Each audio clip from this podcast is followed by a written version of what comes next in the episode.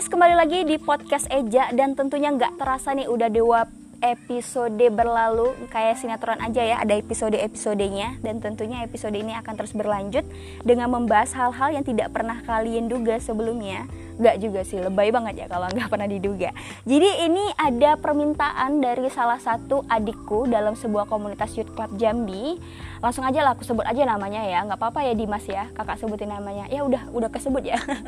ya namanya Dimas, dia itu sekolah di SLB Negeri di Jambi ya aku nggak sebutin lah sekolahnya ya di SLB Negeri Jambi kebetulan Dimas bilang kak coba dong kak kakak kasih pembahasan mengenai anak-anak disabilitas yang inspiratif jadi aku angkat temanya hari ini pada podcast ketiga Eja ini yaitu mengenai ability and disability. Aku nggak mau sebutin disability-nya dulu baru ability, enggak.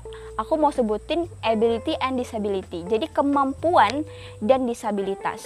Mungkin teman-teman di sini nggak begitu paham ataupun juga tidak begitu peduli ya mengenai disabilitas. Yang ngapain juga ngebahas-bahas itu. Mungkin ada yang demikian. Tapi ada juga orang yang aware dengan masalah disabilitas juga. Bahkan mungkin ada keluarganya atau adiknya atau orang tuanya, tetangganya, bahkan sahabatnya kah atau orang jauh yang tapi dia kenal gitu. Mungkin ada juga anggota anggota orang yang kalian kenal ya yang termasuk juga dalam lingkup disabilitas. Sebenarnya disabilitas ini apa sih? Oke, kita akan mulai dari definisi. Jeng jeng jeng jeng jeng. Tarap. Cacanya itu kan ada ada main musik gitu ya. Biar kalian nggak bosen juga gitu dengerin suara aku yang biasa aja sih sebenarnya. Tapi ternyata banyak juga gitu puji-pujian gitu. Jadi jadi pengen ngeplay. Oke, jadi disabilitas teman-teman disabilitas atau keterbatasan diri. Ini bisa bersifat fisik, bersifat kognitif, mental, sensorik, emosional, perkembangan atau beberapa kombinasi dari yang sudah saya sampaikan tadi. Nah, kebetulan saya kenal dengan anak-anak disabilitas intelektual. Saya cuma bicara tentang anak-anak disabilitas intelektual ya. Karena saya dekatnya sama anak-anak disabilitas intelektual pun juga saya pernah berkenalan sama anak-anak tunanetra, tunarungu, ya tunadaksa. Saya juga berkenalan dengan teman-teman yang demikian dan juga saya merasakan sangat bahagia sekali dalam hidup saya karena saya juga pribadi yang suka dengan anak-anak ya.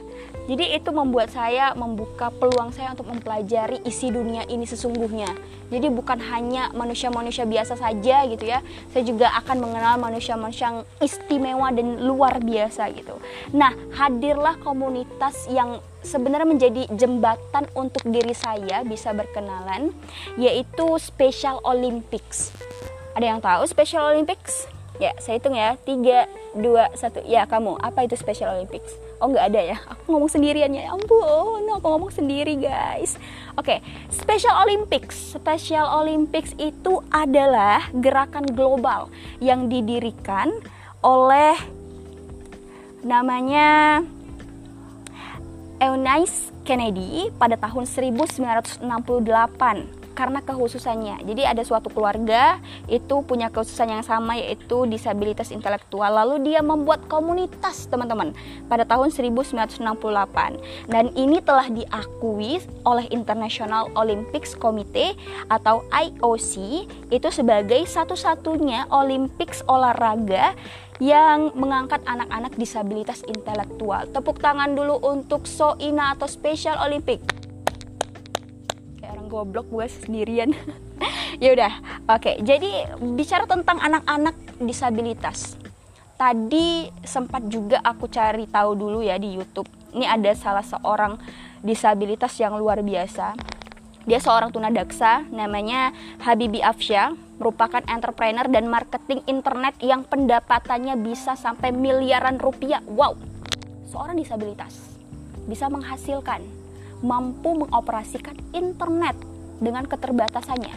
Artinya apa? Setiap orang berhak dan setiap orang pasti punya kemampuan. Jadi kalian jangan ngerasa diri kalian aku tuh gak punya kemampuan apa-apa. Uh, pasti ada teman-teman. Mungkin kalian belum tahu aja gitu ya. Nah, ini juga merupakan hal yang sangat luar biasa dari Kak Habibi Aksya untuk bisa juga memberikan motivasi ke teman-teman yang lain. Tapi sebenarnya hal-hal kecil pun sudah saya rasakan dengan anak-anak disabilitas. Anak-anak disabilitas itu banyak juga yang mencoba untuk buat usaha sendiri ya. Ada yang hobinya menjahit ya, mereka buat dari manik-manik gitu. Lalu ada juga yang hobi jualan, jualan online gitu. Ada loh teman-teman dari Youth Club Jambi ya. Kalau Special Olympics itu secara globalnya kalau di daerah-daerah provinsi itu namanya Youth Club. Jadi kebetulan Jambi juga merupakan bagian dari Special Olympics itu kebetulan saya sebagai ketuanya. Yang saya bilang tadi saya mohon maaf juga dengan Pak Jokowi tiba-tiba saya disuruh jadi presiden. Ya, kalian dengar suara lagi ya nggak apa-apa lah. Ya itu ayam yang mencoba untuk manjat masuk ke dalam ke dalam mana itu ya? Ke dalam kamar saya. Ya kebetulan kamar saya di dekat kandang ayam. Oke oke nggak penting nggak penting. Dan teman-teman saya ingin mengajak teman-teman semua untuk lebih aware dan care kepada anak-anak disabilitas. Jangan menganggap mereka ataupun memandang mereka itu sebelah mata. Berikan kesempatan untuk mereka, berikan peluang untuk mereka, jangan dibeda-bedakan. Begitupun juga dengan orang tua. Sempat tadi ada yang curhat. Sebenarnya saya sangat-sangat kesal ya. Tidak bisa saya ungkapkan dengan kata-kata, tapi rasa saya itu kayak sakit banget gitu. Kebetulan ada adik saya di Youth Club Jambi tiba-tiba dia bikin status katanya ya Tuhan kapan kau cabut nyawaku? Ya aku terkejut dong gitu lihat snapnya seperti itu. Lalu aku tanya kenapa dek? Gitu. Dia cerita gini loh kak aku kesal banget dengan ayahku. Aku selalu disalahin. Dulu katanya gini ya mungkin cerita singkatnya seperti ini. Dulu ayahnya tuh pengen punya anak laki-laki tapi dia lahir perempuan jadi ayahnya nggak senang. Dan juga dia punya keterbatasan kognitif ya atau disabilitas intelektual. Lalu ayahnya ngatain dia bodoh lah goblok lah tolol lah. Ya ampun. Sedih banget sih dengarnya seperti itu.